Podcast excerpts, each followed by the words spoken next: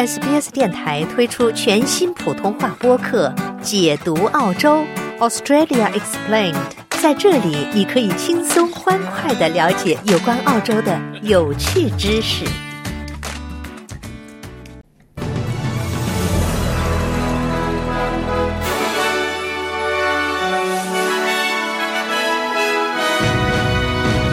总理表示坚持对潜艇声纳脉冲事件的关注。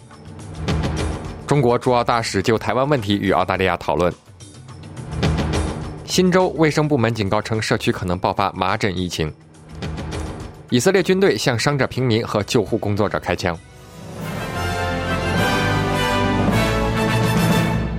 下面是新闻的详细内容。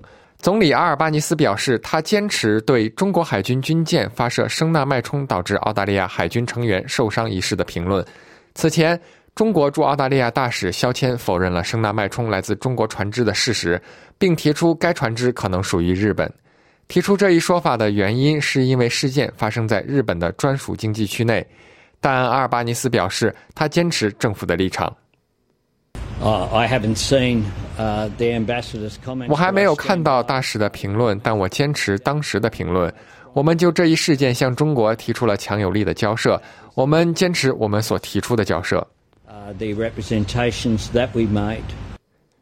中国驻澳大利亚大使肖谦表示，他计划就澳大利亚官员在台湾大选后向台湾发出的祝贺信息与澳大利亚官员进行讨论。民进党再次赢得了台湾大选，由前副总统赖清德担任新的领导人。北京方面对此结果深感不满。肖谦大使称，澳大利亚不应该干涉中国内政。We are strongly opposed to such a statement. 我们强烈反对这样的声明。一个国家的政府就中国的地方选举发表声明。我们将继续与澳大利亚同僚进行交涉，分享我们的观点。事实上，我现在正在寻找机会，在未来几天内与澳大利亚的外交和联邦事务部的澳大利亚同僚们进行交涉。Actually, I am I'm now seeking opportunity to talk with our Australian colleagues in the DFAT in the in the in the coming coming days. 澳大利亚外长黄英贤周三在约旦河西岸城市拉马拉会见了巴勒斯坦外长里亚德·马利基。黄英贤此访。正值加沙战争爆发以来的以色列占领的约旦河西岸暴力事件激增之际，加沙卫生部称，周三在约旦河西岸被占领的图勒凯尔姆市有四名巴勒斯坦人被以色列军队打死。在另一起事件中，以色列军队称他们在约旦河西岸巴拉塔难民营的一次空袭中打死了一名巴勒斯坦高级武装分子。自去年十月七日哈马斯发动的袭击以来，造成了一千两百人死亡，二百四十多人被劫持为人质。以色列如今的攻势已经造成了两万四千多名巴勒斯坦人死亡。加沙两百三十万人口中，近百分之八十五的人逃离家园。由于洪灾地区的持续降雨，昆士兰原北地区将迎来另一场气旋。数周前，热带气旋贾斯珀造成了创纪录的洪灾。此后，大规模的清理工作终于取得了进展。受灾最严重的地区之一凯恩斯以北的德加拉将为流离失所的居民提供临时住所，同时一条主要公路有望重新开放。然而，在凯恩斯近海形成的热带低压将在周日之前增强为气旋，预计它本周仍将停留在近海，但下周该系统可能以气旋的形式重返昆士兰北部。新的研究发现，原住民增加了一种具有文化和烹饪意义的树种的传播，以应对殖民化。几千年来，布尼亚松对原住民来说一直很重要。丰收的季节标志着东海岸的重要集会。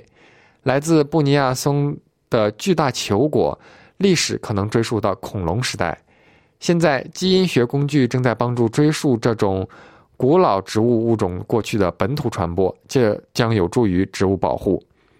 悉尼皇家植物园是一个跨文化合作研究小组的成员。该研究小组发现，昆士兰东南部的原住民增加了布尼亚松的迁移和基因混合，以应对欧洲殖民化和随之而来的土地开垦。新南威尔士州卫生部门警告称，社区可能爆发麻疹疫情。该警告前，一个购物中心游乐场的几名儿童在接触了一名受感染的婴儿后，可能感染了麻疹。这名七个月大的婴儿刚刚从中东回到国内，而中东地区曾多次爆发过这种传染性极强的疾病。这是新州报告的第二例麻疹病例，促使当局提醒那些前往亚洲和中东地区的民众保持警惕。新州卫生局还建议民众使用医疗保险 Medicare 应用程序来确保自己接种了最新的疫苗。您正在收听的是 SBS 中文普通话节目。听众朋友们，欢迎回来，让我们关注更多新闻内容。影子国库部长安格斯·泰勒表示，澳中两国近期不太可能举行联合军事演习。中国驻澳大使肖谦在新闻发布会上敦促联邦政府重启与中国的联合军事演习和科技合作。泰勒则告诉九号台，澳大利亚在促进与中国关系时，绝对不能在价值观上妥协，这一点至关重要。We want to have a strong relationship with China, but we 我们希望与中国建立牢固的关系，但我们必须坚持我们的利益和价值观。你必须与中国划清界限，他们是一个强大的国家。当关系良好时，他们对我们大有裨益，但在这一过程中，你永远不应该损害自己的价值观和利益。二零二四年将有破纪录的二十亿人参加民主选举投票，但有人说民主正在受到严重的威胁。荷兰海军上将、北约军事委员会主席罗布·鲍尔表示，乌克兰战争是普京对民主的恐惧。鲍尔在布鲁塞尔发表的讲话时称，呼吁私营和公共机构合作，在乌克兰的生存之战中保卫乌克兰。他说，这场战争的结果将决定世界的命运。This war is about Russia fearing something much more powerful. 这场战争是因为俄罗斯害怕一种比地球上任何有形武器都要强大的多的东西，那就是民主。如果乌克兰人民能够拥有民主权利，那么俄罗斯人很快也会渴望民主，这才是这场战争的真正目的。二零二四年，全球将有破纪录的二十亿人在民主选举中投票。然而，民主的概念比以往任何时候都更需要捍卫。巴勒斯坦红新月会称，以色列军队在被占领的约旦河西岸向试图运送受伤平民的救护车和工作人员开枪。在网网上分享并经历巴勒斯坦红新月会证实的录像显示，在那不鲁斯装甲车阻挡了救护车，并向试图接触最近被炸汽车内受伤人员的工作人员开枪。那不鲁斯居民胡塔菲·德维卡特当时正在该地区。all of a sudden there was a big explosion. 突然发生了大爆炸当我们看向外面时一辆汽车着火了。不久大批的以色列军队突袭了该地区他们不允许任何人靠近现场并搜查了目标汽车周围的区域。之后一辆推土机开来在汽车残骸上撒上了泥土以扑灭大火并救出车内的人员。场面十分恐怖。It was a terrifying scene. 来自加沙的报道还说，在汉尤尼斯地区发生了大规模的推土机、碾压和炮击。那里的居民警告称，以色列对该地区的医疗设施和房屋进行了大规模的入侵。朝鲜领导人金正恩表示，随着两国之间军事紧张局势的加剧，朝鲜将不再寻求与韩国的和解。朝鲜领导人呼吁重写宪法，消除两国共同建国的想法。这一声明是在该地区紧张局势加剧之际发表的。朝鲜在进行了几次弹道导弹实验之后，试图证明其核理论的可信度。朝鲜还撤销了几个负责促进与韩国和解的政府机构，并称韩国为敌对国家。唐纳德·特朗普在艾奥瓦州党团会议上获胜之后，二零二四年共和党总统候选人提名的角逐转向了新罕布什尔州。前联合国大使尼基·黑利和佛罗里达州州长罗恩·德桑蒂斯面临着越来越大的压力，他们必须在党团会议上取得更好的成绩，因为党团会议显示他们与前美国总统之间存在着巨大的差距。在下周二新罕布什尔州举行的初选之前，他们还有短短的一周时间。在布雷顿森林的华盛顿山酒店聚集的人群中，海莉认为唐纳德·特朗普和乔·拜登都停留在过去。Then you go and you look at the fact we've got all these issues around the country and around the world. 然后你去看看我们在全国和全世界面临的所有这些问题，拜登和特朗普都在关注什么？调查过去的问题，那些不能带领我们前进的事情。我们要么一成不变，要么就是改变的时候和前进了。我认为我们的孩子希望改变和前进，我不希望他们就这样无聊的环境中长大。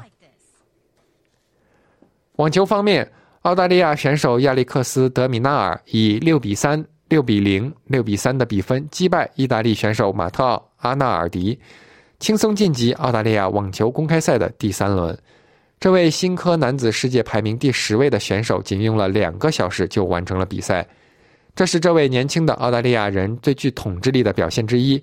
他最近的发挥到达了新的水平，战胜了诺瓦克·德约科维奇和亚历山大·兹维列夫。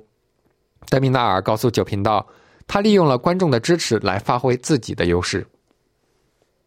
Yeah, look very happy. I mean, Mateo, he's a hell of a player. 他看起来不是很高兴。我的意思是，马特奥他是一名出色的球员，他是一名非常令人激动的球员，火力十足，水平非常非常的高。我想我必须在这里稳扎稳打，借助观众的力量，努力保持专注。我很高兴今天能够取得胜利，谢谢大家。在女子的单人比赛中，斯托姆·亨特在与德国选手劳拉·西格蒙德进行了一场艰难的比赛后，以六比四、三比六、六比三的比分获胜，顺利晋级第三轮。接下来，我们来看一下澳大利亚元的汇率。在国际货币市场上，今天一澳元可以兑换零点六五四美元，一点零七二新西兰元。同时，今天一澳元可以兑换四点六七二元人民币。五点一一三元港币和二十点六七零元的新台币。在今天新闻的节目最后，一起来关注一下全国各主要城市今天的天气情况。悉尼局部多云，最高温度三十度；墨尔本局部多云，最高温度二十一度；布里斯班有阵雨，最高温度三十三度；堪培拉以晴为主，最高温度二十四度。阿德莱德多云转晴，最高温度二十四度；珀斯局部多云，最高温度二十七度；达尔文阵雨，可能伴有大风，最高温度三十一度；霍巴特降雨增加，最高温度二十度。